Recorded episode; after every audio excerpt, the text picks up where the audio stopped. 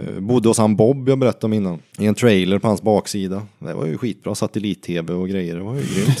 Bä- Bärs Coolt. Eh, en morgon så åkte jag och han mm, till en snubbe och skulle hämta upp en eh, shopper, en motorcykel. Ja. Eh, han vi hämtade hos var Dusty Watson som spelar med Dick Dale, eh, Agent Orange och Slackdown.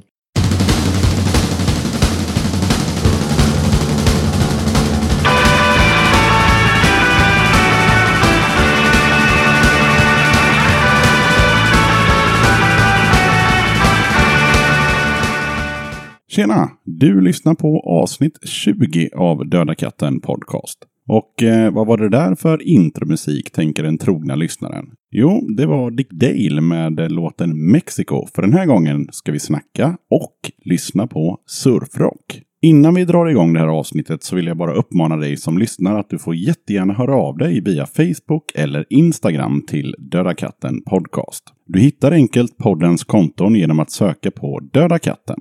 Det går givetvis också jättebra att dra iväg ett mejl till dodakatten@gmail.com. Hör av dig om vad som helst. Du kan tipsa om spelningar eller om bra band eller önska vad du vill att kommande avsnitt ska handla om. Om du eller ditt band vill vara gäster i podden så hör av dig så försöker vi styra upp en schysst inspelning tillsammans. Vill du att jag ska spela upp en eh, låt med dig eller med ditt band i den här podcasten? Då är det bara att mejla iväg en mp3 eller liknande med lite information så kommer jag spela det i ett kommande avsnitt. Okej, luta dig tillbaka, höj volymen så rullar vi igång. Alright, välkommen till eh, Döda katten podcasten och eh, vem är det vi har med oss den här gången? Tack. Eh, idag har vi med oss Gustav eh, Wilhelmsson heter jag. Jag är gitarrist, surfmusiker, surffantast. Jag tror vi stoppar där. Surfar du? Nej, jag har surfat. Okej, för det... Bå- både vindsurfat och vågsurfat. Ja, Okej, men du kan surfa? Eh, ja, hjälpligt. Hjälpligt, men du, du kan ställa dig på en bräda. Jag kan ställa mig på en bräda. Men du har skatat också va? Jag har skatat egentligen hela, hela ungdomen kan man säga. Men var det via skate du kom in på surf och så? Eller, eller kan var man- det skatepunk och eller ja. Nej, det, det, det är en rätt rolig parallell där, för via, det, det är via, skateboard, eh, via skateboarden som jag kom in på surfmusik. Det var en eh, gammal skater i Vänersborg, Peter Lorentzon hette han, eh, eller heter, han lever ju fortfarande. han är, även om han är något äldre. En, en dag kom han ner till rampen i, Vänersborg då, där jag kommer ifrån. Så han hade med en kassett i sin kassettbandspelare och fan det här är jävligt schysst musik när man ska åka till Roskilde och ha i bilen. Ja, fint. Och då var det en kassett med The Ventures. Så då, ah fan, det, var ju, det här verkar ju riktigt schysst. Och då blev man sugen på att börja spela gitarr och hela, ja, så blev man fast helt enkelt. Okej, så då, där någonstans föddes intresset och framförallt då och, och börja lira gitarr. Du, Helt random bara. helt random och du hade inte testat något annat instrument innan eller? Nej, ingenting. Ingenting. Bara en blåsinstrument i skolan när man var liten. Ja. Som man blir tvingad till. Okej, och sen eh, tänkte jag också, eh, har du spelat något annat? För nu har du spelat gitarr i många år, vi kommer komma in på det lite längre, längre fram, hur mycket Gu- eh, Gustav har spelat och, och, och när och hur och var. Men har du lirat något annat instrument efter det så att säga? När du...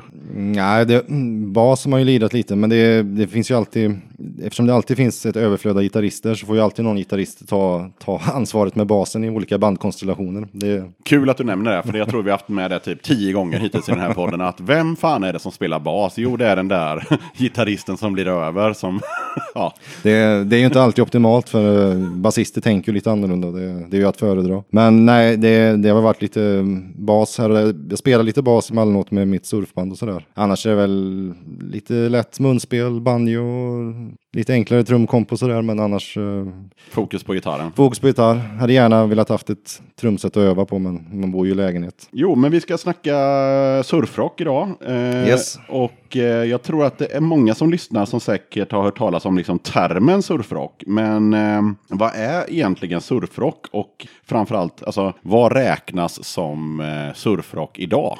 Det- Ganska komplicerad fråga. Det är, ja, det, det är som att... Eh, musik idag, är ju, det finns ju, det är sån sjuk mix mellan allting. Men om man tänker surf och rent basic så är det ju egentligen, ska man säga, instrumental gitarrmusik med en jävla massa reverb till umpapa umpa, umpapa umpa. I grund och botten, Det är kortfattat vad surfrock är kan man säga. kan man säga. Sen finns det ju olika såklart genrer inom surfmusiken såklart som det finns i punk eller vad som helst. Finns, det, finns det namn på de här olika?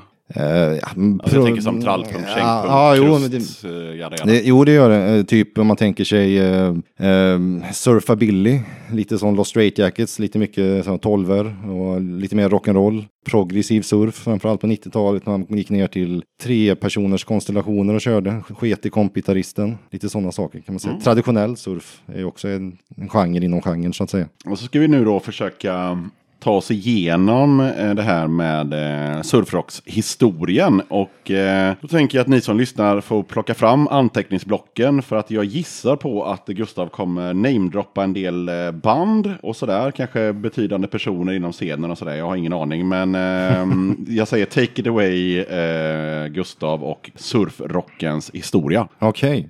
Vi ska gå ner i träsket alltså. Kan börja med att säga så här då. Det finns ju många som, eh, man kan säga att det finns två spår. Och det är det här med, det finns instrumental surf och så finns det vissa som påstår att det finns eh, eh, in- surf, surfmusik med sång. Och då tänker man så här, ja ah, du spelar surf, ah Beach Boys tänker de. Och den har man ju hört rätt många gånger.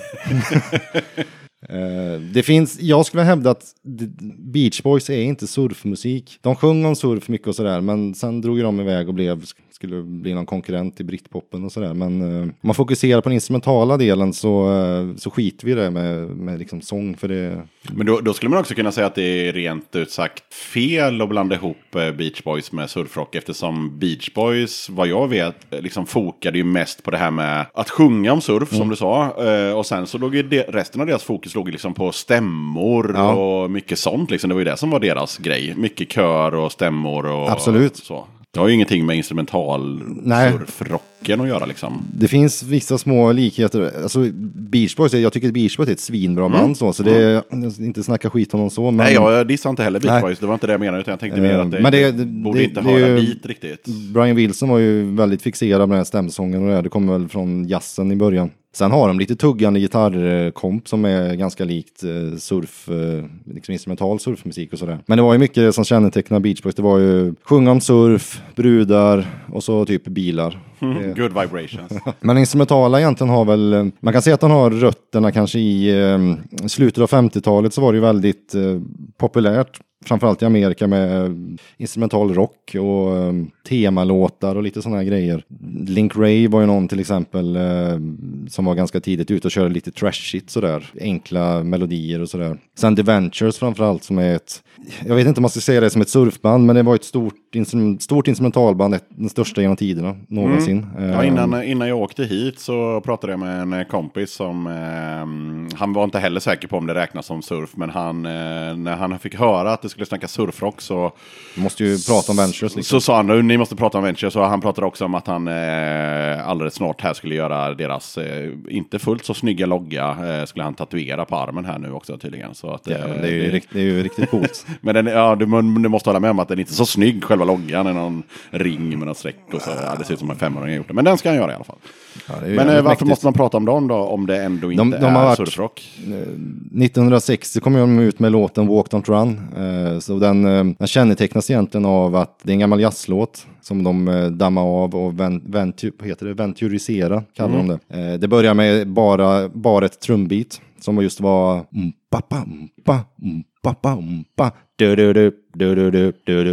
och det trumbeatet har varit liksom det har varit någon slags inkörsport där för att så så ska surftrummorna låta. Om man säger sen, strax, eh, strax efter det så var det idén egentligen född, eller det var ingen idé som föddes, det var någonting som bara egentligen blev. I södra Kalifornien på den här tiden, tidigt, tidigt 60-tal, så var det mycket eh, med eh, surfbrädorna fick en annan form. Det- Från början var det träbrädor och det blev sådana här eh, foamboards, det var någon slags frigolitbrädor.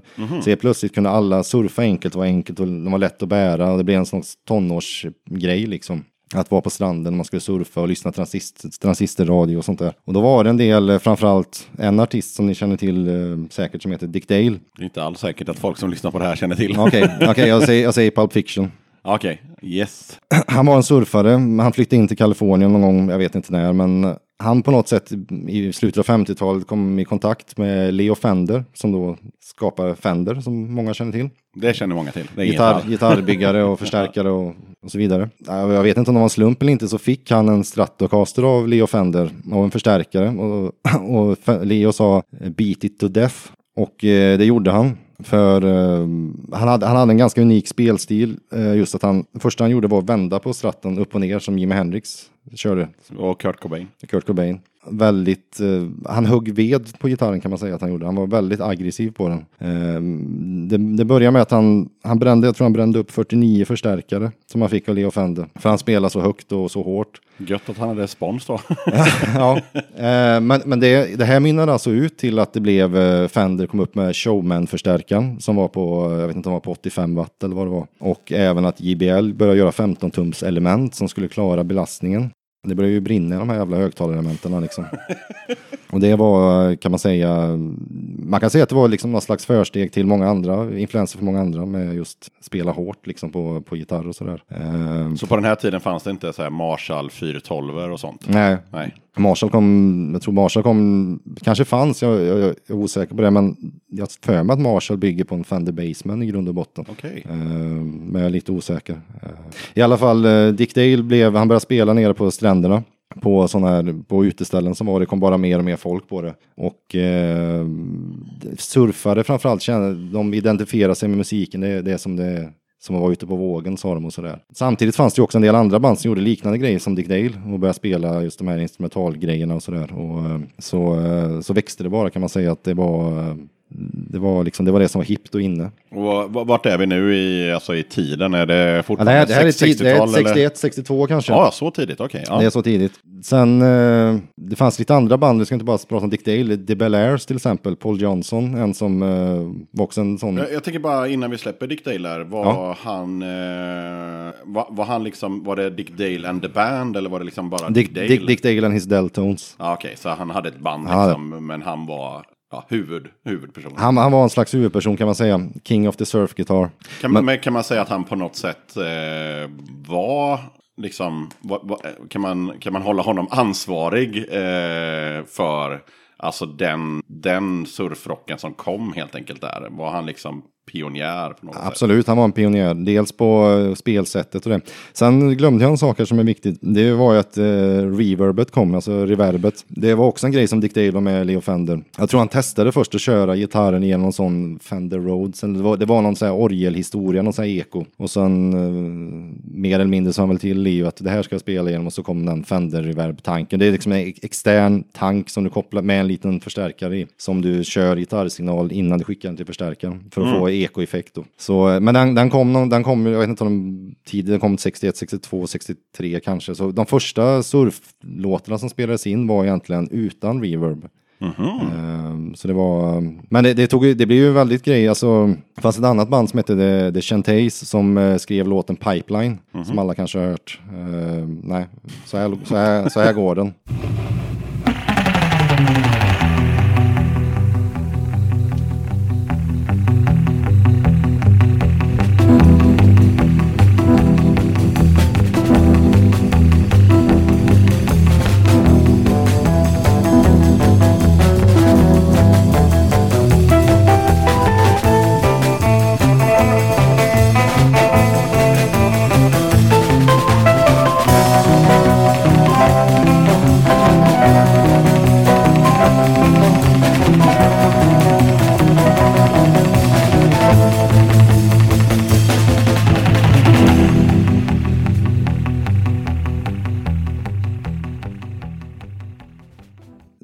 Sån, den, den låg ju på, eh, jag vet, inte om, det- jag vet inte om Billboard fanns, men det var någon jävla lista i alla fall. Så den, var ju, den toppar ju liksom i USA på eh, Ja, det är klart att den tiden. Billboard fanns på sex- 60-talet. Jag tror att Billboard har nog funnits sedan typ 50-talet.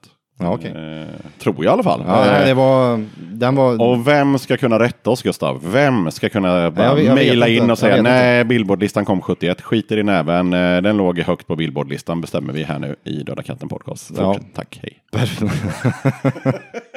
Så, så, det- så, så det fanns ju en hel del andra band. Um, spred sig även lite, om man tänker utanför Kalifornien här, när, när det här tog fart och började spelas på radio och sånt. Australien var ett band som hade en hel del, eh, ett land som hade en hel del band. Atlantics var ett sånt 60-talsband, jättekänt. I Europa var det mycket Shadows, Spotniks. Det, det känner du till. Jajamän, jajamän Spotniks. eh, De, eh, det var instrumentalt och de hade typ rymd astronautkläder på sig eller något sånt. Stora Japan. Ja, och stora Japan, Big in Japan. Ja. Precis. Men men, men, men var de från Sverige? Eller? Nej? Spotniks var från Sverige. Tror de sålde 20 miljoner skivor totalt under sin karriär. Okej, Eh. ja, det gäller att känna till Spotniks kan man eh, säga då helt enkelt. Det borde, Spot- det borde man göra. Spotniks gjorde dels som Shadows och Ventures och de här, de spelade in ett, ett gäng sjukt bra instrumentallåtar, men även också spelade med en jävla massa skit. Typ sång och det var, ja, det, uppåt väggarna liksom. Okej, så allting som Spotniks gjorde var inte bra? Nej, absolut inte. absolut inte. Men de har en sån här topp 20-lista med så här, det här, var, det här var bra grejer de gjorde. Men vad fan, ska vi lyssna på någon eh, Spotniks-låt kanske? Så att vi eh, liksom ja, tar, tar avstamp därifrån liksom, kanske. Det kan vi göra. Skulle Ja. inte, man kanske skulle kunna göra som en liten medley med Spotniks, Shadows och Ventures bara Ja. för att kunna reda ut det. Om vi börjar med Spotniks och sen tar vi Shadows och sen så tar vi Ventures det sista. Och så kan man se lite hur skillnaderna var. Ja, men eh, då kommer de tre här, eh, någon minut var eh, i ett medley helt enkelt. Varsågoda.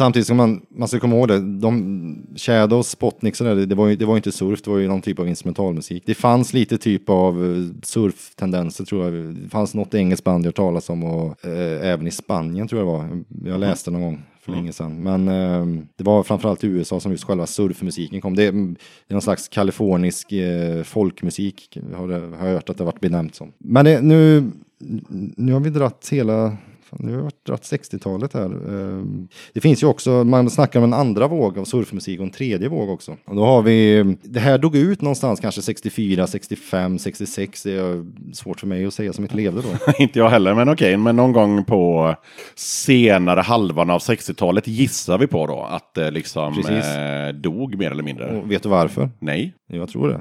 För då landar Beatles i New York. Ah, okej. Vem fan vill lyssna på surf när Beatles kommer och Precis. svänger med Det var, luggarna? det var samma med hot rod-kultur och hot rod-musik och det var ingen som ville lyssna på rock'n'roll. Det var ju Beatles och British Invasion-grejen som gällde liksom. Som sedan följdes upp av, det vet vi mycket väl, psykedelisk rock och det var power trio och det var Ja, rock, det- bluesrock. Den var- sämsta, den sämsta perioden, så, alltså musikmässigt eh, så skulle jag vilja säga att eh, man ska vara glad att man inte var ung på 70-talet med så här symfonirocksband med, ja, du vet, 12 minuter långa gitarrsolon och progressiv metal. Alltså det var så jävla dåligt så det var, ja, det, det kan man vara glad att man slapp. Men okej, men då fattar man ju också att eh, där någonstans när Beatles landade så eh, kan det varit ett litet gäng kvar som tänkte att det här med surfrock det, det, det håller vi hårt i. Men medan resten av, åtminstone USA då, helt enkelt sket i det.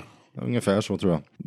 Sen allt efter vad tiden gick, och det här är, jag tror i slutet av 70-talet, kanske 78, 79, så kom det ju, på något sätt så blev det lite, startades en hel del band då som ville vara liksom lite mer back to basic, spela enkelt och inte vara så utsvävade. Och det, det var en hel del punkband, det känner du till, slutet av 70-talet såklart. Framförallt om man snackar i södra Kalifornien så var det mycket, bildades ett jävligt schysst band som heter John and the Night Riders. Och de egentligen tog, de, de spelade inte som man gjorde på 60-talet utan man tog, man tog det från vad man hade liksom. Det var stora trummor och liksom mer fläskigt strumljud på den tiden och mer dov, dovt ljud på dem. Eller på trummorna om man säger trumljudet generellt. Sen var det ju samma, det var ju Fender-gitarrer och så var det ju reverb och hela den biten. Så spelade man på det fast det var lite hårdare Anslag liksom. Hårdare anslag, mer driv i det helt enkelt. Mer liksom, man tänker sig punkdriv. Och uh, John and Night Riders spelar ju till exempel mycket runt i LA samtidigt som Blasters och andra band och uh, runt i Kalifornien.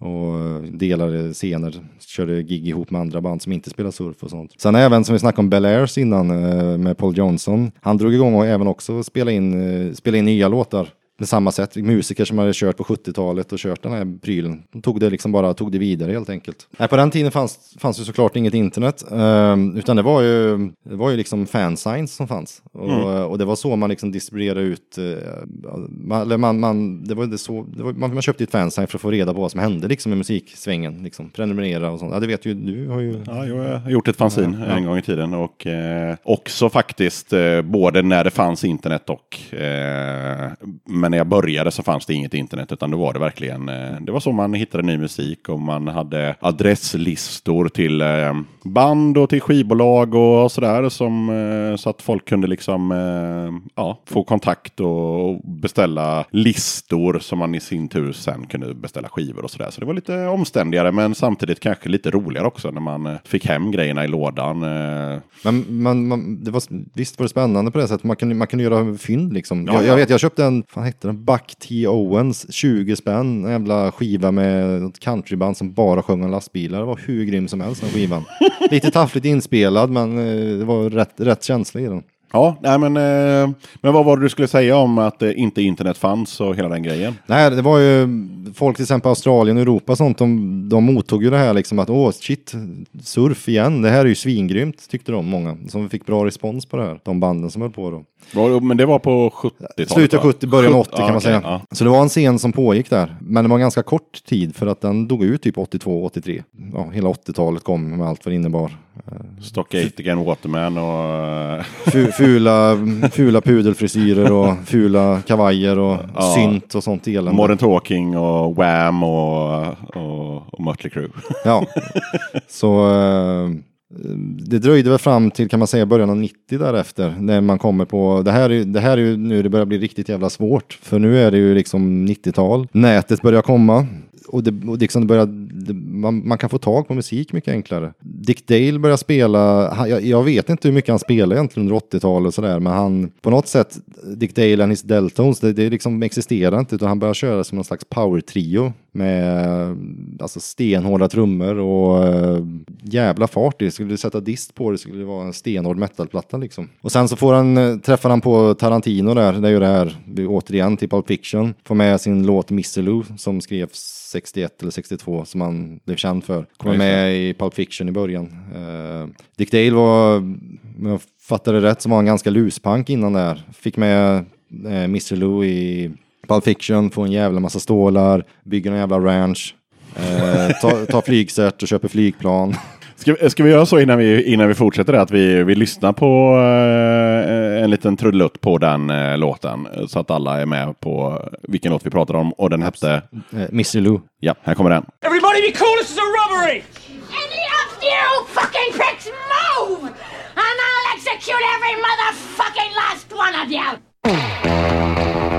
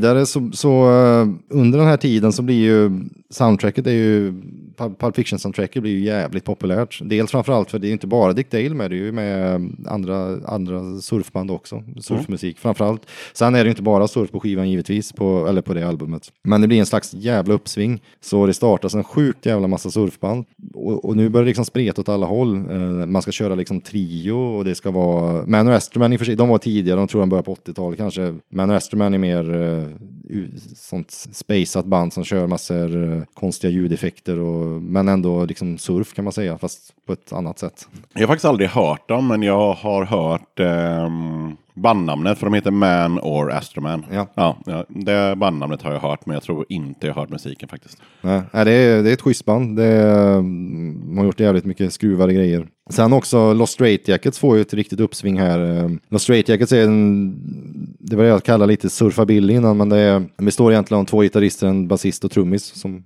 egentligen standardutförande av ett traditionellt surfband. Men eh, Eddie Angel till exempel, ena gitarristen där kommer mer från rockabilly, rock'n'roll hållet. Så det är lite mer de tonerna i det. Och de, de kör ju sin grej och gör tre plattor på 90-talet som är svinbra. Producerade av Ben Van, grym producent. Soundet är skitbra på de plattorna, så det är bra tips om ni vill eh, lyssna på schysst surfabilly-aktigt. Men eh, jag tänker också, du började väl spela på 90-talet? Eller? Jag började spela gitarr kan man säga precis i slutet av 90-talet. Jag, Ja. jag, är, ju, jag är ju ung fortfarande. Men ja, du är född på 80-talet helt jag är enkelt. född på 80-talet. Ja, Okej, men, men då hörde du... Eh, Jag satt, jag satt på mp3.com på den tiden och så lyssnade på sådana här band, eh, surfband då, som eh, efter det här med när jag var vid, rampen och började höra på, lyssna på The Ventures och mjölka föräldrar på vinylskivor när det var Ventures-plattor och sånt. Det fanns ju oftast hemma hos de flesta faktiskt. Så satt jag på mp3.com och lyssnade på osignade band som spelar surfmusik. Och en del av dem var ju, blev ju signade sen senare också. Eh, så det var, det var riktigt, eh, det var en jävligt spännande tid för det började spreta åt alla håll där med, man kunde spela traditionell surf, man kan spela surf, surfa billiga hållet, man kan spela mer här progressiv surf och såna här grejer. Så det var John and the Night Riders som jag pratade om innan från andra vågen, de spelar ju fortfarande på 90-talet. De turnerar i Sverige och Finland och massor sådana ställen under 90-talet. Ja, kör, men, ja, körde sin grej, eh, hårda punkiga trummor och liksom mycket reverb.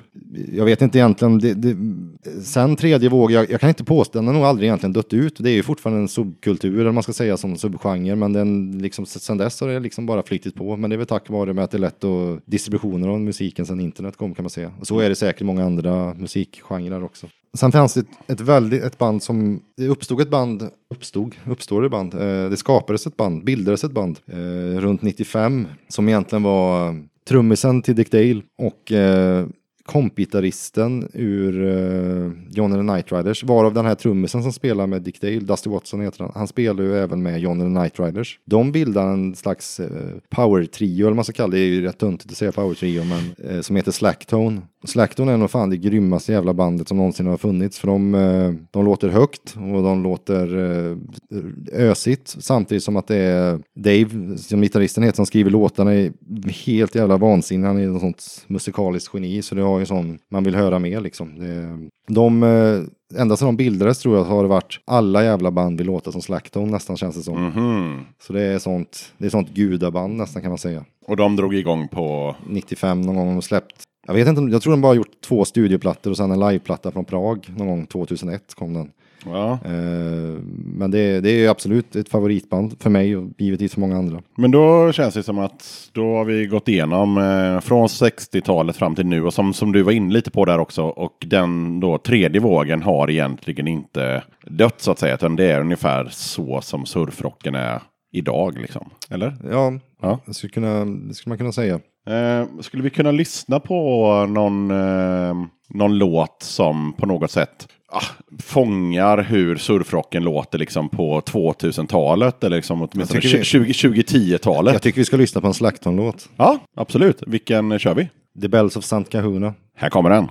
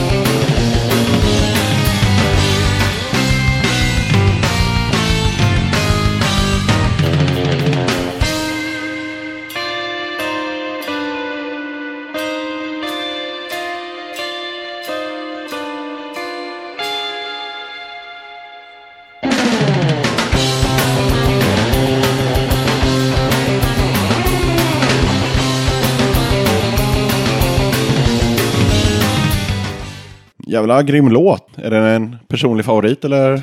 Alltså, det, det är Eller är det mer att den ska spegla hur det lät? Alla, det, finns, det finns vissa band som, eh, som när någon går in i studion och spelar in ett album så är det liksom alla låtar är bra på album, albumet. Mm. Kanske har något sånt band själv som du... Ja, jag satt precis och tänkte så här, men eh, ja, det, det, är jävligt, det är jävligt sällan ett band har, enligt mig i alla fall, ett helt album som, som håller. Ofta så finns det någon svag låt. Så de, ah, ah. jag kan väl säga Appetite for Destruction, inte en dålig låt. Social Distortion, White Heat, White Light, White Trash. Den har inte heller någon dålig låt. Men annars så, ta till exempel, jag gillar ju Bruce Springsteen till exempel, men det är sällan hela LPn håller. Det finns alltid några så svaga spår med liksom. Ja, jo, ja, oftast är det så. Men det finns... Det, Men i det här fallet så är det bara... Nej, men det, det, det, det, det, det finns sådana undantagsalbum. Jag för mig jag kom, jag kom, På 90-talet var det mycket HC i Vänersborg och sådär. Då kommer jag ihåg, Shelter var ju ett band som jag lyssnade på en del då. De hade ju någon bra skiva, kommer jag ihåg. Mantra eller vad den hette. Eh, jag för mig att de flesta låtarna på det albumet på den tiden, det tyckte jag var jävligt bra alltihopa. Drogs du med någonting i, i, i HC-scenen där i Vänersborg? För då bodde väl du fortfarande i Vänersborg då när Ja, ja. Refused och... Jag var ju liten och jag, jag gick ju, mm, absolut, jag, det var ju nästan Jag tänker såhär mellanstadiet. Värnerrocken och Division of. Laura Lee och hela den grejen liksom. Absolut, det var ju på den tiden så var det ju, det var ju jättemycket HC, så det är klart man drogs med i det. Lyssnade mycket på hardcore, kom mycket band till Vänersborg. Vänersborg Mm. var ju typ andra största, Vänersborg var den andra största staden i Sverige nästan efter kanske Umeå som Ja, men hade, ja, precis. För jag, ja, men jag har hört det i andra poddar och så att eh, Vänersborg kommer ofta upp på tal när man börjar snacka om hardcore och 90-tal. Alltså, ja, i samma, samma andetag som man nämner eh, Umeå-scenen så kommer man in på Vänersborg, vilket är jävligt kul för Vänersborg är ju typ en liten obetydlig stad någonstans i eh, Västra Götaland. Västra Götaland ligger.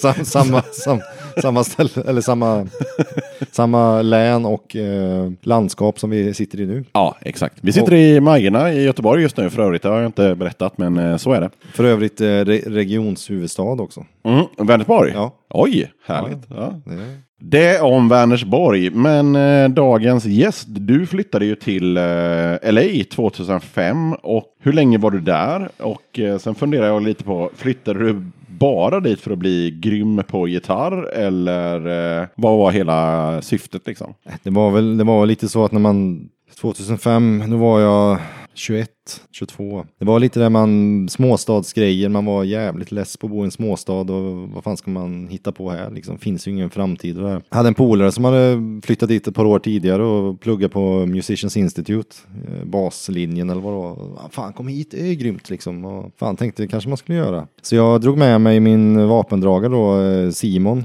som vid den här tiden pluggade i Hultsfred på någon sån, ja, någon studio, studiolinje eller vad det var. Bara fan, vi spelar ju i samma band då eh, med The Lunatones. Men eh, fan, flytta med här så pluggar vi gitarr och så kan vi säkert starta upp bandet här borta tänkte jag. Kort och gott så eh, det gick i lås, han följde med och vi började mm, plugga på gitarrlinjen och eh, hittade en annan trummis och basist där borta som av någon slump var svenskar också.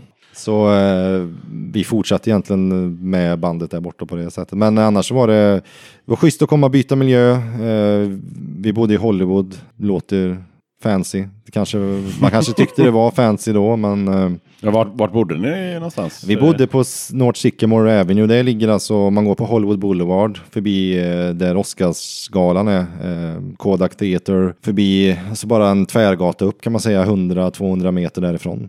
Okej, så... Eh, I Megadeth-huset för övrigt, där Megadeth bildades. Oj, okej, men nära strippen och så eller? Ja, strippen är ju, det är ju Sunset då, då får man dra sig ner eh, ett par gator och så lite mer västerut. Men eh, ganska nära, det är mm, Ja, tio minuter med taxi eller något. ja okej. Ja. Så, eh, så där var man ju och hängde och träffade Slim Jim Phantom och hade det gött så.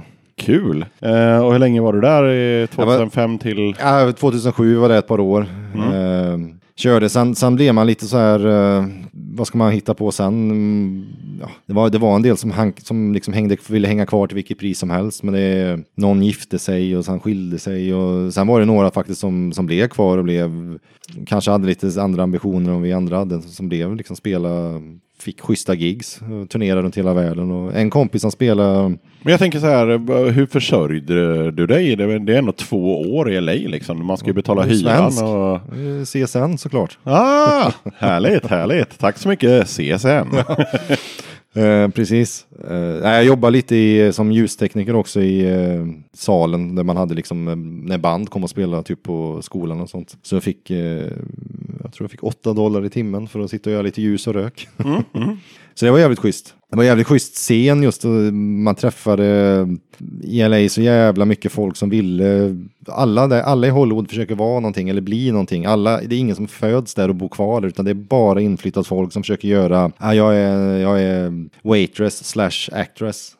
och det, här. det var ett jävligt skruvat ställe faktiskt får man säga. Men också jävligt lärorikt. Och Men gi- giggar du någonting? vi giggar jävligt mycket. Vi, eh, Det är jävligt mycket. Vi, ska med, jo, vi, vi spelar ju i stort sett med bandet och så, med surfbandet så spelar vi ju nästan, ah, jag vet inte, vi spelar i alla fall ett par, tre spelningar kanske i månaden, ett par i alla fall. Eh, Och vi hookade upp med andra surfband där nere som ja, jag hade lärt känna kanske lite tidigare, för jag hade ju varit i LA innan och så. Och spela nere i Hermosa Beach och Huntington Beach och liksom sådär. Så det var ju, det var ju där scenen startade och vi spelade lite på de ställena där också där det började. Så det, det var schysst att hitta den riktiga viben där, så att säga. Det var nice. Du, du sa också att ni, du, ja, det, det du pluggade var gitarr, vilket låter jävligt lyxigt, så här, plugga gitarr. Eh, men blev du bättre på att lira gitarr eller var det, med, var det mer bara en anledning till att eh, vara där? Ja, absolut. Självklart blir man bättre. Eh, när jag flyttade dit, jag, ju, jag var ju självlärd mer eller mindre kan man ju säga. Jag har aldrig haft en gitarrlärare. Man fick ju lite mer perspektiv på hur, eh, hur saker och ting hängde ihop. Just, eh, samtidigt kanske det var lite, lite dödande att veta varför vissa noter gör att det låter så här och så här. Men eh, samtidigt, det bästa med allt med alltihopa var att man fick som perspektiv på annan musik. Country och liksom rock'n'roll och jazz och allt möjligt. Man fick så mycket influenser från andra håll. Men fick du, fick du möjlighet att liksom spela ja, med, med några andra musiker och sådär? Eller var det bara du och vapendragaren Simon som... Eh... Ja, vi, spel, vi spelar ju- när vi pluggade så spelade vi ihop med sjukt mycket andra musiker, men det var ju inom skolans ramar så att säga. Annars var det ju, och det, det var ju varje vecka, spelade man ju alltid med nya musiker som var jävligt grymma. Men eh, när vi var ute och giggade och så, så gjorde vi en del, eh, fick vi spela ihop med lite andra coola band och sånt, så det var grymt. Vi gjorde en grej som var jävligt cool med ZZ Top, eh, med Billy Gibbons, hade någon, någon utställning på eh, tror det hette Peterson Car Museum. Cars and Guitars hette den utställningen. Så då var det, han hade sina coola hot rods där och så var vi där och spelade surf. Så det var ju grymt. Ja, och då var det med Luna... Med Luna Tones. Luna Tones, yes. Så fick vi 30 sekunder av fame när vi fotograferades med Billy mot hans hot rods bakom där. Ah, härligt. Kul. Okej, men du träffade inte så här Dick Dale och så när du var i... Jo, jo, absolut. Ja, Jaha, okej. ja, Jag måste säga, det gjorde du inte. Jo. ja, ja, det är klart. Jo, eh, jag vet ju också att du åkte på en eh, kryssning för att se ett av dina favoritband. Kan du berätta lite mer om, om, om den grejen, att åka på en kryssning för att se ett band? Ja, absolut. Eh, Jo, det var så att um, 2003 så, hade, så var det kryssning med, från LA till Mexiko med eller LA till Mexiko, LA till Ensenada i Mexiko eh, med eh, The Ventures och Lost Straight Jackets. På den här tiden så, eh, när det kom ut att det här nyheten, åh det ska vara en kryssning och surfmusik och hej och så gick jag sista året på gymnasiet och tänkte, det här måste jag ju fan med på liksom. Så av en slump så, i Lost Straight Jackets Yahoo surf, surfrock fanclub eh, lärde jag känna en snubbe som var eh, min farsas ålder, född tidigt 50-tal, som frågade mig, ska du med på den här kryssningen? Det verkar ju coolt. Ja, ja, det är klart. Och så sa han, ja, jag, jag kan fixa och betala resan åt dig så kommer du hit en vecka innan och häl hälsa på så drar vi liksom. Okej. Han bodde ju i Ohio för övrigt. Jaha, ja, ja. Så eh, han gjorde det, så jag drog dit, hängde lite först i södern och sen drog upp till Ohio och var där en vecka och lirade med han och hans son. De spelade surf också. Drog till LA, bodde hos Bob, en gubbe som, jag vet inte, född på 30-40-talet. Var med när surfvågen startade och älskat surfmusik sedan dess. Bodde några nätter hos han, hos honom med, med min kompis. Drog ut på kryssningen med Ventures och Straight Jackets.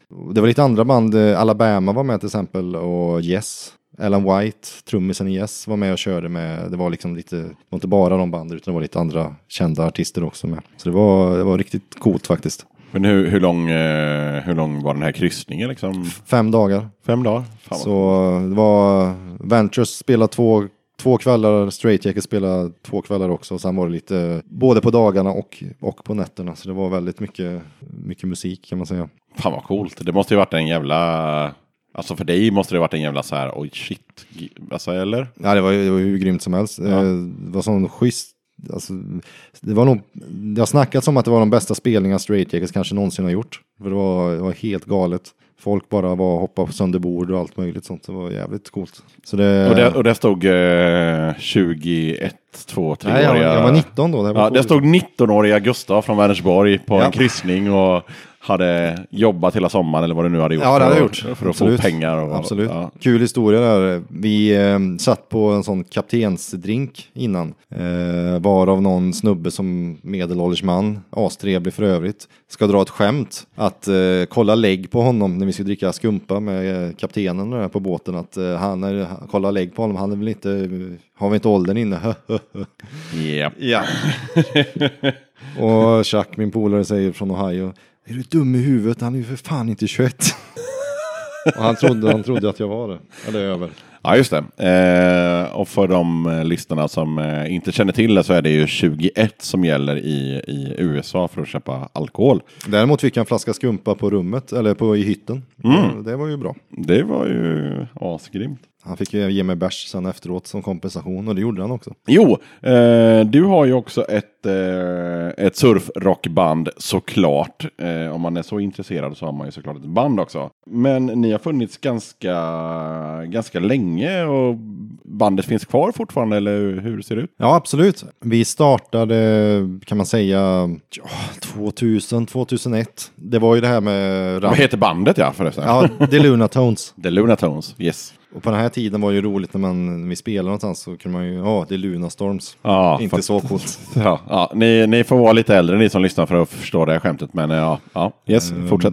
Ja, nej, men det, det hänger ihop med, som jag sa innan, med Rampen, Ventures, Fråga min morbror efter en gitarr som han hade i någon garderob. Måste, när man har gitarren och det här och allt på plats så eh, Jonas Gustafsson som spelar för övrigt med Division of Florali hade hjälpt mig att stränga den här gitarren och stämma den. Måste ju ha ett surfband när man har gitarr. Så då, eh, jag vet inte, jag, jag kom ihop med någon metal-trummis på något sätt där och försökte, du ska spela surf, du ska inte spela metal. och drog med en annan snubbe på bas där. Ja, det började väl köra lite covers kan man väl säga eh, på sån surfstandards, 60-talslåtar. Inom, ja, inte vanliga 60-tals utan surf. 60-talslåtar. Kom ihop med första året på gymnasiet eller andra eller vad det var med Simon, eh, min kompis, eh, som också spelar gitarr och sa du borde spela surf. Jag hörde att han var en duktig musiker. Ja, vad är det då? Och så gav jag några plattor och så, vad fan, det här var ju schysst. Sen så typ första repet så ja, jag har gjort en låt där. Och så ja, var han ju svingrym. Så Alltså, han har gjort en låt. han har gjort en låt. ja. Han, han, han är ju sånt, han är ju geni på det sättet så. Så eh, det klickade jävligt bra där. Sen har vi, har det ju egentligen varit vi kan man säga nästan hela tiden. Ehm, vi fick in en gammal punktrummis egentligen ganska tidigt sen efter som började spela med oss efter han metal-trummisen. Det dog ut lite där när han ville spela bara Dig Up Her Bones med Misfits från den American Psycho-skivan. Det, det är bra för övrigt men... Ja, jo, jo, men Ja, vi körde väl lite lokala gigs runt så, eh, mestadels, eh, fram till 2005. Spelade in en demo i Hultsfred. Sen drog vi till USA och så hade vi en annan trummis och basist där och då, då kändes det som det tog lite mer fart. Vi, eh, vi spelade in en hel fullängdad skiva i USA och spelade ihop med, ja, lite där, där musiken kom ifrån. Det kändes levande på något sätt då. Flytta hem, visste inte vad man skulle göra. Eh, våran gamla ja, originaltrummis, eh, Micke då, och eh, började lira med oss eh, igen. Och så även basisten. Eh, det glömde jag säga, basisten innan vi flyttade dit var en snubbe, eh, Mikael heter han, som eh, jag tvingade att köpa en bas. För återigen det här med att få tag i basister, dilemmat. Han, eh, han har ju för övrigt avsprängda fingrar på ena handen, vilket är udda. Men så sa jag till han, köp en bas, köp en jävla Squire-bas här och så testar du liksom. Så, här, "Åh", så gjorde han det. Och Han hade visat sig att han hade en jävla talang för dels bra gehör och liksom spela. Så han, han började köra bas som fan och även gitarr samtidigt. Då, så han, eh, han hade ju riktig talang för det. Fast han hade tre och en halv fingrar på den på vänsterhanden. mm.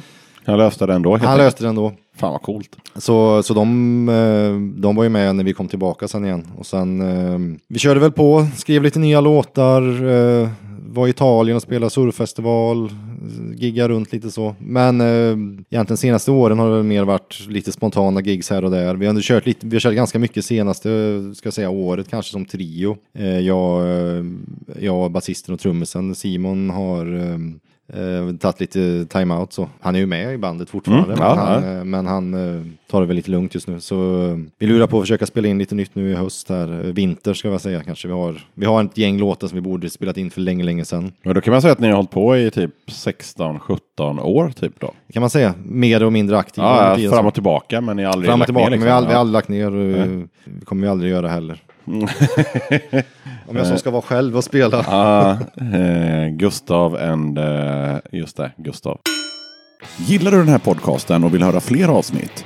Grymt, för då kan du stödja katten genom att swisha en valfri summa till 0720 32 75 13. Du kan också köpa en eh, Döda katten t-shirt eller lämna ett bidrag på kattens crowdfunding-sida. All information om hur man gör för att stödja den här podcasten hittar du på www.dödakatten.se. Klicka på support. Alla bidrag går till att producera nya avsnitt av Döda katten Podcast.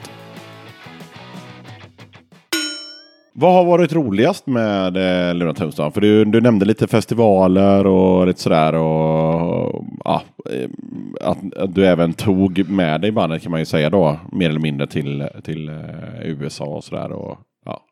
Ja, um, det, var, det var jävligt coolt som jag sa innan spelaren sist, med sist, ja, Billy Gibbon sist, från Sissi Topp och det. Men framförallt att träffat mycket andra musiker och sånt. Och framförallt fått jävligt bra respons när man har spelat ute på um, liksom så här, ja fan vad coolt. Eh, ni spelar surf liksom, jag har inte hört det innan, det var jävligt schysst liksom. Och det, är ju som, det gör det jävligt roligt. Mm. Framförallt att folk kan upptäcka att det, det är schysst. Det, det är lite så här, egentligen är det två kategorier av folk som gillar vår musik. Det ena är medelålders män mm. som typ eh, ja, gillar gitarr mm. och gitarronani. Kommer fram och, och det här är bra liksom. Eller så är det ja, lite mer kanske sådana rockabilly-folk som tycker det är något bra alternativ liksom att lyssna på emellan. Även kanske en del punkare också för den delen. Mm. Som tycker det, det, kan vara rätt, det kan vara rätt schysst eh, som, som alternativ att lyssna på om man vill, inte vill ha eh, D-takt. Ja men det kan jag tänka mig. Och, så, och jag förstår också att typ så här rockabilly-publiken borde ju vara ganska lättflört flörtad med, eh, med eh, surfrock. Liksom. Det, det ligger ju ganska nära liksom. Eller ja, alltså men själva på viben något, på något sätt. På något sätt har det blivit det. Det är ju någon typ inom någon slags, vad ska man säga, man kategoriserar igen typ hot rod musik som kanske ett uttryck som myntades 60-talet i Kalifornien. nej, men, eh, men, nej, men jag förstår ändå vad du, vad du tänker där. Det, ja. Jag tycker vi kör en låt med Luna Tunes. Jag tycker vi kör The Seventh.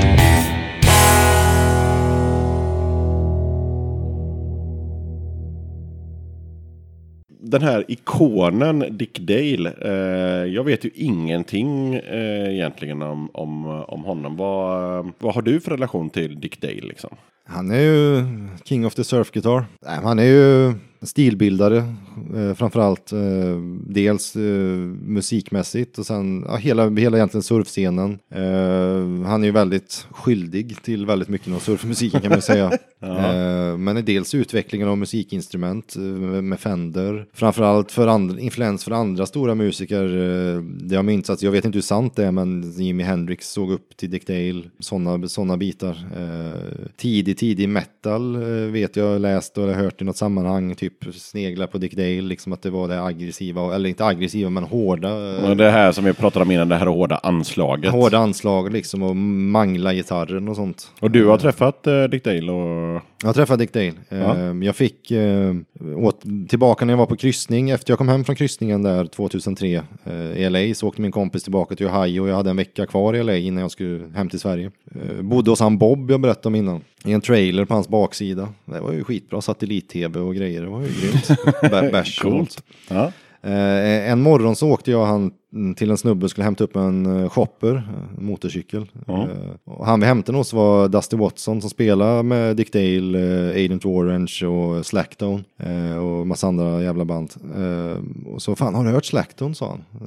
Nej, vad är det? Liksom, ja, det är mitt band. Så här. Vi spelade igår, men tyvärr fick du inte komma för det var 21 där. Jaha, men du kan ta ett par CD-skivor av mig, sa han. Ja, Mhm. schysst. Så, ja, så lyssnade jag lyssnade man in sig på dem och det här var ju schysst liksom. Men det här med att ni skulle hämta en shopper var... Nej, jag vet inte var det kom ifrån. Det var bara, man hängde bara liksom på. Man Liksom. bara säger okej det är det vi ska göra idag liksom. Det, okej. Man, man, man bara hängde på. Det var, det var schysst. Jag, ser, jag bara ser, ser det framför mig så här. Jag vaknar i min eh, Trailer. tra- trailer där jag kollat på Det var- lite, lite satellit-tv och sen Nu, så... nu, nu var det en trailer bakom hans hus, så det var inte en trailerpark. Nej okej, okej. Det var, jag, i, en- i, i, I en husvagn bakom huset vaknade jag. Eh, och sen ska vi åka och kolla på, eller hämta en, en, en shopper. Och så blir vi introducerade till ett eh, grymt band helt plötsligt också. Precis. Ja. Eh, så det var, det var en första kontakt med honom. Sen 2004, året efter, kom Dick Dale till Göteborg. Då vet jag mejlade han innan och bara, fan vad grymt, eh, kan vi inte ses eller något? Så här, oh fan, jag sätter upp er på gästlistan. Var på Sticky Fingers då. Så hängde vi lite där. Sen året efter flyttade jag till LA. Då hade vi ganska bra kontakt. Han hörde alltid av sig. Fan vi ska spela med Slackton och häng med om ni vill. Så kom han och hämtade upp oss, mig och Simon då. Och så drog vi på massa Slackton-spelningar. Och fick, han fixade även gig åt oss. Så vi spelade ihop med Slackton. Och det var... eh, Någon gång ringde han så Fan jag ska flytta isär med min tjej nu. Kan du hjälpa oss att flytta? och sånt. Fan vad kul. Ja, Så- men då hade ni en riktig relation kan man ju säga. Absolut, och så en av de gångerna var, mm, fan Dick Dale ska spela nu på Santa Monica-piren, Eh, häng med ner, vi ska spela förband med Agent- Orange, så häng på ner så drar vi ner på dagen och hänger lite typ med Dick Dale och käkar mat och sånt typ. Ja, så, så gjorde vi det, så träffar man Dick Dale så. Han är ganska, han är ju, ja, Dick Dale är Dick Dale, han eh, Ja, han är trevlig och sådär, schysst snubbe. Eh, Men han, han vill ha saker och ting på sitt sätt kan man säga. Mm. Alltså, hur, Han är så lite svår tror jag att ha att göra med. Det kan man tänka sig. Men man, man tänker också så här, hur gammal är Dick Dale idag? Han är, han är 80 bast eller strax över jävlar. spelar live Ja. fortfarande.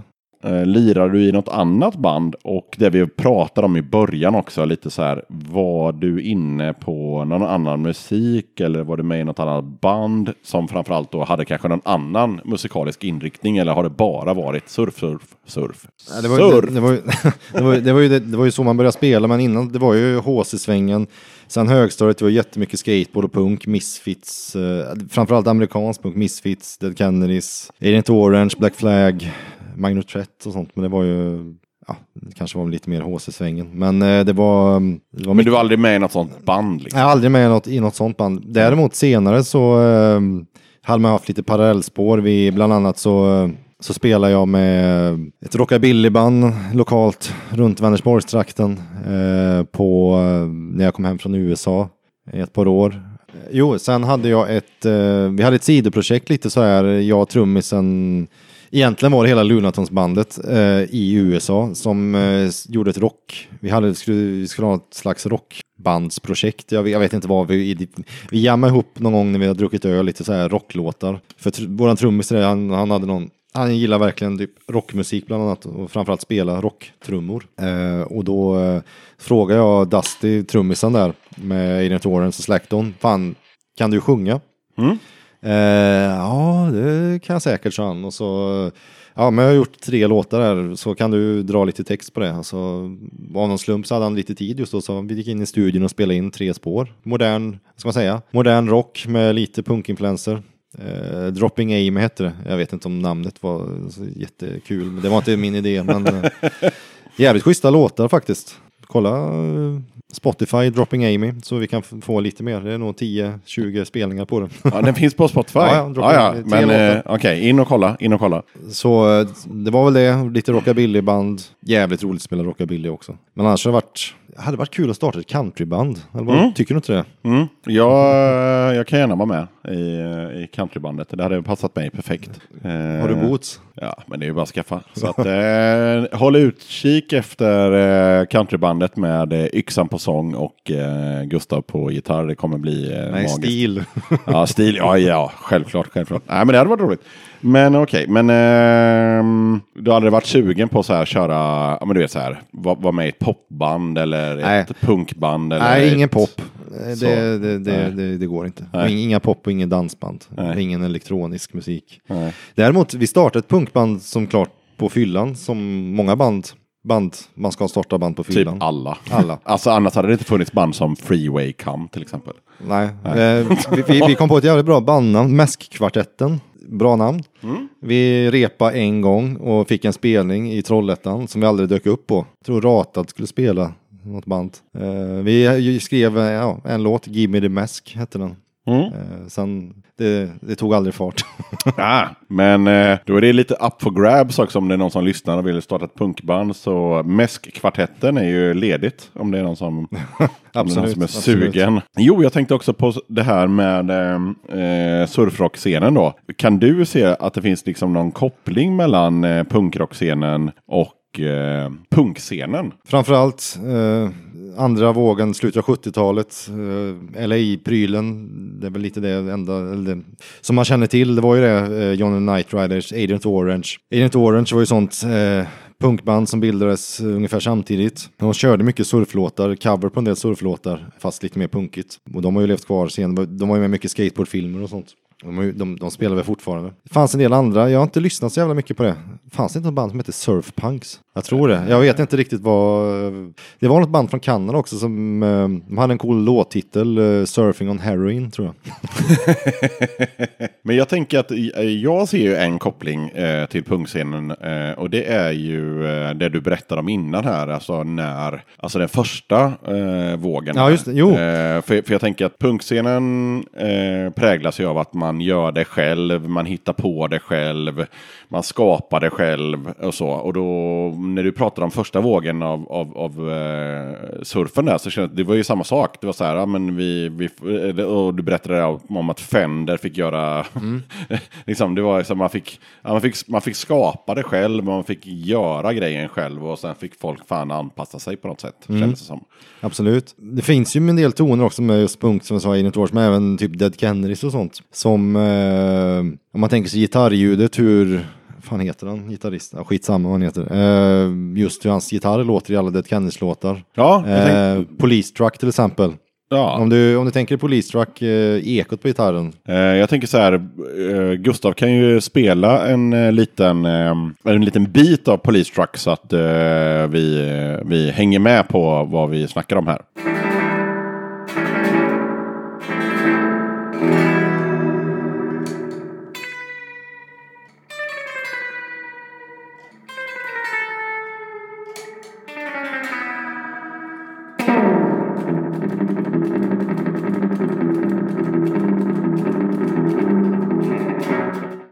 Ungefär, visst, det låter ju ungefär lite likt, eller hur? Ja, ja, absolut. Och, det, och, det, och det var det roliga, jag hade inte ens tänkt på det innan, men Nej. ja, det är ganska mycket, det är ganska varmt reverb och ganska, ja.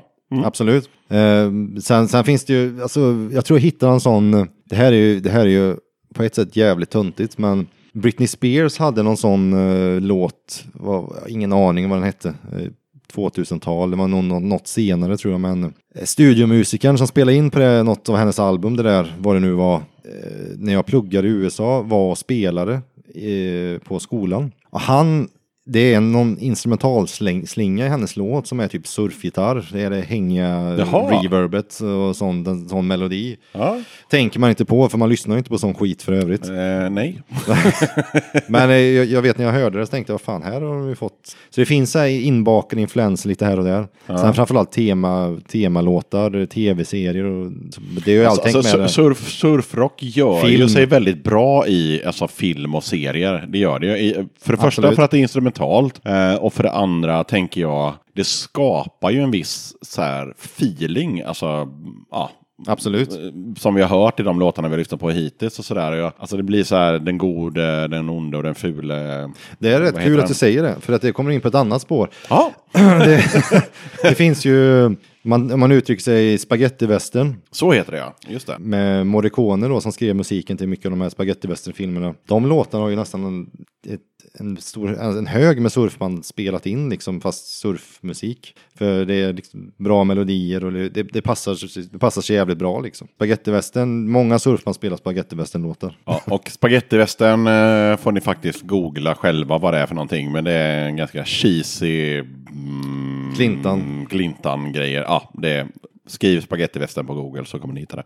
Men ja, kul. Ehm, och som du säger, det, det är ju självklart att det, det passar i, i eh, sammanhanget. Vi har kommit till eh, den obligatoriska frågan i podden och det blir ju ganska intressant att höra vad Surfrocka-Gustav har för eh, relation till punk till den obligatoriska frågan. Vad betyder punk för dig? Punk är ju på något sätt Ja, på något sätt var det lite där man startade. eh, Just musik. Man kanske, det var ju hårdrock när man var jätteliten såklart. Och sen så blev det mer in på HC och punk. Så det har ju alltid varit någonstans, har det alltid varit legat i grund och botten för vad man har, eh, vad man har gått igång på, vad man har influerats av. Och mm, jag har nog alltid gillat punken just för att jag kanske inte aldrig egentligen har varit jätteengagerad i texterna och sådär. För det kan ofta vara ganska politiskt och sådär. att- Men det har ofta varit drivet i punk som jag, som jag tyckte har varit, det har varit en bra känsla i det. Liksom, att man, det, är- det är snabbt och det är hårt och det är liksom, det ger en bra, det, det kan vara, det blir någon slags kick på något sätt. Så punk har varit jävligt viktigt för mig kan man säga. Uh, I grund och botten till och andra, ja, det är inte säkert att man fastnat för surf annars. Det, Nej, det var det, det, ja, lite så. För att, för att punken är lite sådär att uh, så som jag, för, eh, punk för mig har ju ingen frågat eftersom det är jag som är programledare. Men uh, punk för mig är just den där grejen att jag eh, gör den här grejen nu. Eh, jag skiter i vad ni säger. Jag, jag klär mig hur jag vill, jag ser ut hur jag vill. Då blir det ju ganska punkigt att exempelvis då börja lira surfrock i Vänersborg. Ja, ja. Det, det, det, det är punk i sig att göra den grejen bara. Det är- Absolut. Ja, så enkelt är det ju. Det är absolut. Men eh, framförallt, framförallt drivet i punk, det, det har nog varit nästan det viktigaste tycker jag. Att det är, det är snabbt och hårt och eh, inga, inga krusiduller liksom. Inget, inget in, in, inkapslat i någon annan skit liksom. Det är bara rakt och ärligt. Mm. Men eh, kan, man säga att, eh, ja, mer eller mindre, att liksom surfrock på något sätt också är ganska rak? För så känner jag i alla fall. Jag kan ju ganska lite om surfrock, men eh, det känns ju som att det är väldigt genuint på något sätt. Alltså det här gör man för att man alltså det känns inte som att man gör det för att man vill vara kommersiell eller för att det är det här som gäller och så vidare. Utan det, det känns som att folk som håller på med surfrock gör det för att de gillar hela stuket liksom på något sätt. Jag skulle säga att från 70-talet, den andra vågen och framåt, så har det nog varit mycket så. Tidigare när, när det slog igenom på 60-talet så var det ju mycket, det blev ju ganska mer kommersiellt så, i alla fall i USA, ja, Australien även och sånt också. Men det var, framförallt så var det var ju ändå vita, vita tonårskids som hängde på stranden. Och det, det, är- det är ju inte jättepunkigt i sig. Eh, nej. Nej. Men, men, men efter det, framförallt andra vågen och fram idag, så kan man ju absolut se mer kopplingar till det. Du gillar ju verkligen gitarrer, har jag fattat. Det är, en, det, är, en- det är ett eget avsnitt. ja.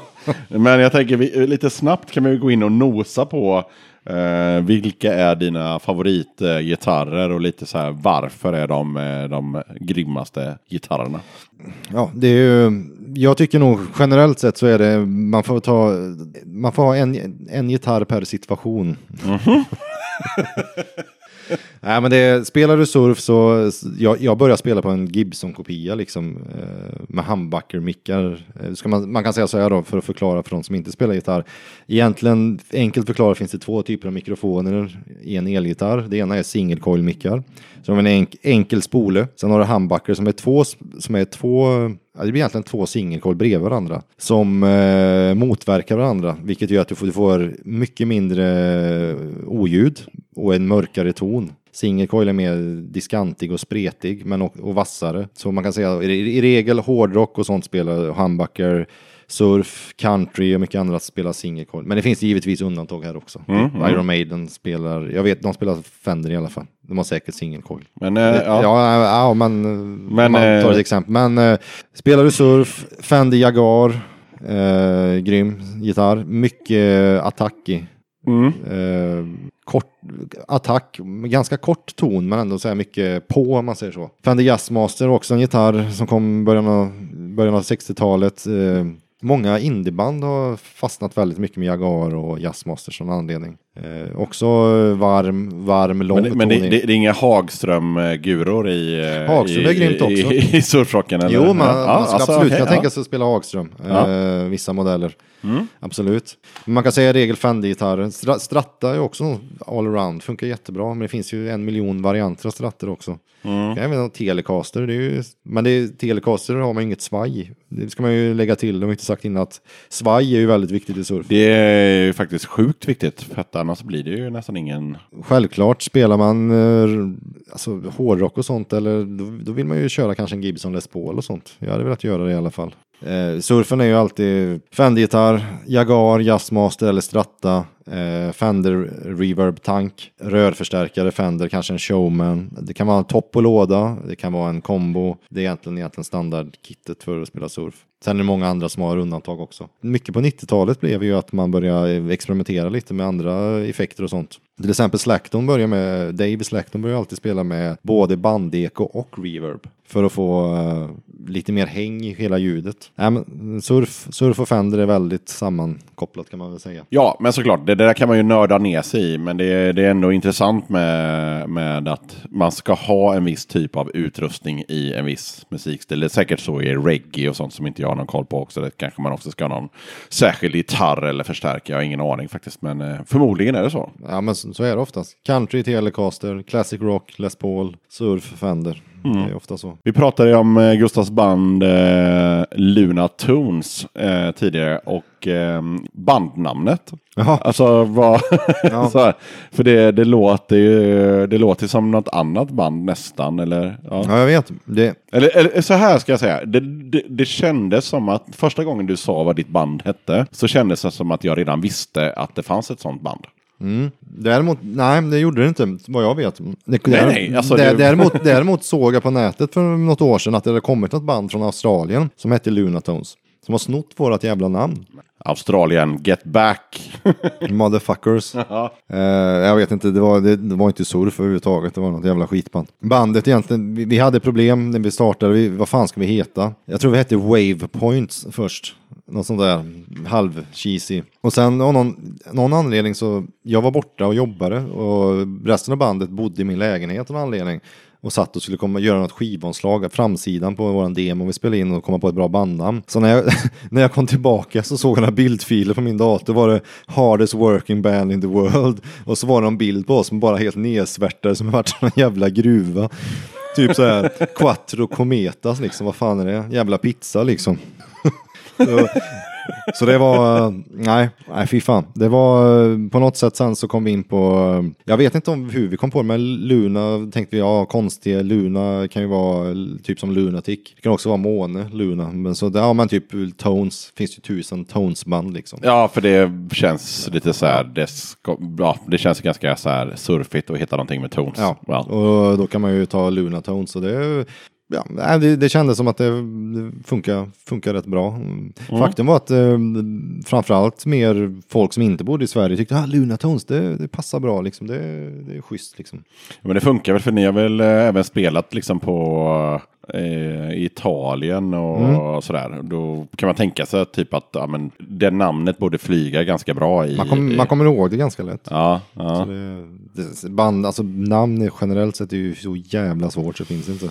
Ja, ja, det har vi också haft uppe i den här podden innan. eh, det är pissvårt. Eh, lite lättare idag då, som sagt var, eh, om vi ska knyta ihop säcken lite där med att eh, internet har inte alltid funnits. Så på den tiden när internet inte fanns och man bildade ett band så var det ju svårare. Eh, idag kan du bara googla. Finns Lunatones? Jajamän, det gör kan till och med googla på bra bandnamn. Ja, det kan man säkert göra. Vi börjar faktiskt eh, dra ihop oss mot eh, slutet av den här podden. Men eh, de här banden som vi nämnde eh, och de här riffen som vi har fått höra. Eh, jag tänker, eh, har du några tips på band i liksom surfrockgenren? Och eh, är det några surfrockspelningar på gång som du känner till och vill tipsa om? Absolut. Jag ska dra några av mina favoritband så kan man ju alltid kolla på Spotify eller YouTube och sådär. Slacktone framförallt, John and the Night Riders, Insect Surfers, ett coolt band som började spela i DC från början. På samma, I samma tid som Bad, Bad Brains spelade där i Washington DC. Typ slutet av 70-talet. Sen flyttade de till Kalifornien. Eh, lite mer eh, spaceat surfband. Coolt, cool, jävligt coolt band, coola snubbar. Sen finns det ju, om man ska snacka lite om svensk surf, eh, dra in lite där, så har vi ju Long, Longhorns från nere från Lund eller vad det är, nere. Svinbra band. Eh, Ett av mina favoritband absolut från Sverige. Robert Johnson eller Punch Drunks kanske en del känner till. Jag vet inte om de spelar längre, men lite mer kanske surf, spy, lite Link, Link Ray-inspirerat. Paul Johnson, eh, The Packards. Dick Dale såklart, kan man ju lyssna igenom. Eh, både gammalt och nytt. The Chantays, om man ska lyssna på lite klassiskt. Eh, The Challengers, The Lively, The Lively Ones. Oh, ett favoritband som är tidigt 90-tal. Satan's Pilgrims. Jävligt coolt namn om inte annat. Jävligt coolt namn. Eh, absolut ett av favoritbanden. Eh, spelat in eh, ett gäng album, började tidigt 90, tog en paus, släppte ett nytt album i år faktiskt. Såg dem i Italien 2016. Då har de inte spelat, då har de inte spelat ihop på svinlänge. Så jävla bra, tre gitarrer. Det kan man nog, de banden kan man börja med. Bra ryskt band också. Jaha, Eh, Measure Ups, en trio med gitarr, bas, trummor, tjej som spelar bas. Coolt, coolt band. Eh, sen borde man ju säga, det finns en snubbe, han spelade i Göteborg förra året, eh, Lorenzo heter han, Surfer Joe. Eh, självutnämnd Surf Music Ambassador. Kaxigt. Ganska kaxigt, ja absolut. Han har ju sedan 2003 arrangerat en surfmusikfestival nere i Italien. Som vi pratade lite om innan, som vi spelade på bland annat 2012 tror jag det var. Han, ehm, det är alltså en typ fyra dagars eh, surfmusikfestival. Ingen sjunger på fyra dagar. Svinbra. Fan vad gött. Tyvärr brukar man alltid pricka midsommar. Så det är alltid typ midsommarhelgen i Livorno i Italien. Det är en gratis festival, kostar, man flyger ner med Ryanair, hittar något bra hotell eller kasthotell nära. Gratis festival, där bara hänger, dricker bärs. Kostar inget att gå in, svinbra häng, precis vid havet. Ja. Två scener. Man kan ju fundera hur fan får de det att gå runt två scener och inget inträde. Men, eh, Han är ja, sån, eh, han är, han är ju affärsman, han är italienare liksom. ja, han löser det på något sätt. Han- han löser det. Han, han säljer bärs eller Ja, någonting. ja, vet? nej, det, det ska man absolut ha utsikt på, eller kolla, Kik- kika, kika, efter. Ja, absolut. absolut. Det är, det är riktigt, riktigt schysst. Man kan även kolla hans band, Surfer Joe. Spelade, fan vad de spelade på sist. Uh, Truckstop Alaska tror jag, i november. Helt schysst surf. En sån eldsjäl. Han har gjort sjukt mycket för musik, musiken. Festivalen är den största, det är ju världens största surfmusikfestival. Så han, han har haft alla band och spelat där. Gamla som börjar, som lever fortfarande från 60-talet har varit där. Alla Ah. typer av genrer, från små band som stora band får spela liksom. Så det är en jävligt bra scen, om inte annat för uh, surfmusikforumet. Coolt. Jag tänkte så här eh, innan vi rundar av. Tänkte jag att Gustav ska få spela så här valfritt liksom riff eller flera riff kanske bara för att liksom beskriva så att, eller beskriva så att ni får höra lite hur, eh, hur det låter när man eh, kör en klassisk eh, surfrocklåt helt enkelt. Absolut, det kan jag göra. Vi kan ta några klassiska toner ungefär hur, hur det ska låta. Ja, men jag tänkte lät någon, någon typ av lite så medley. Du får gå bananas, du får göra som du vill bara. Men så att man får känslan av att så här, eh, så här låter det och så här lät det och, och, och så vidare. Så du, du får fria händer helt enkelt. Absolut. Ja. Kan vi, köra. vi kan köra, vi kör något eh, första vågen, lite något andra vågen och sen lite något in på tredje vågen kan vi köra. Ja men eh, take it away Gustav säger jag. Thank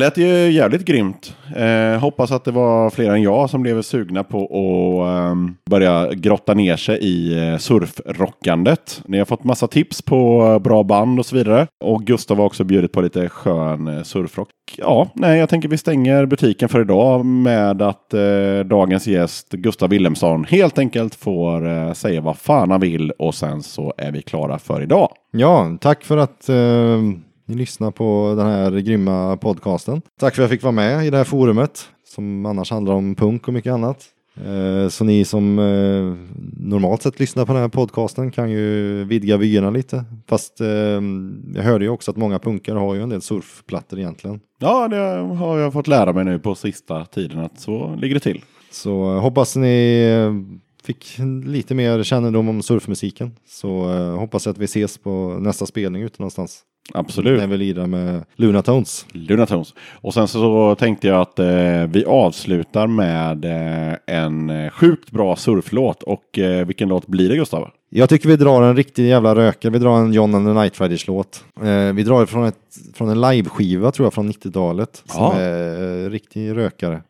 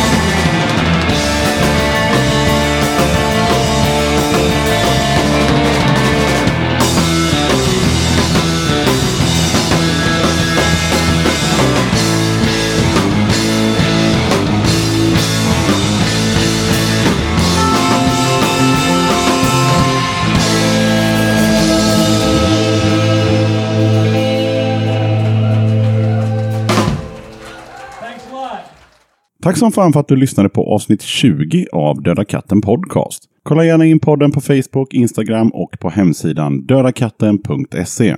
Ha det gött och så hörs vi snart igen hoppas jag.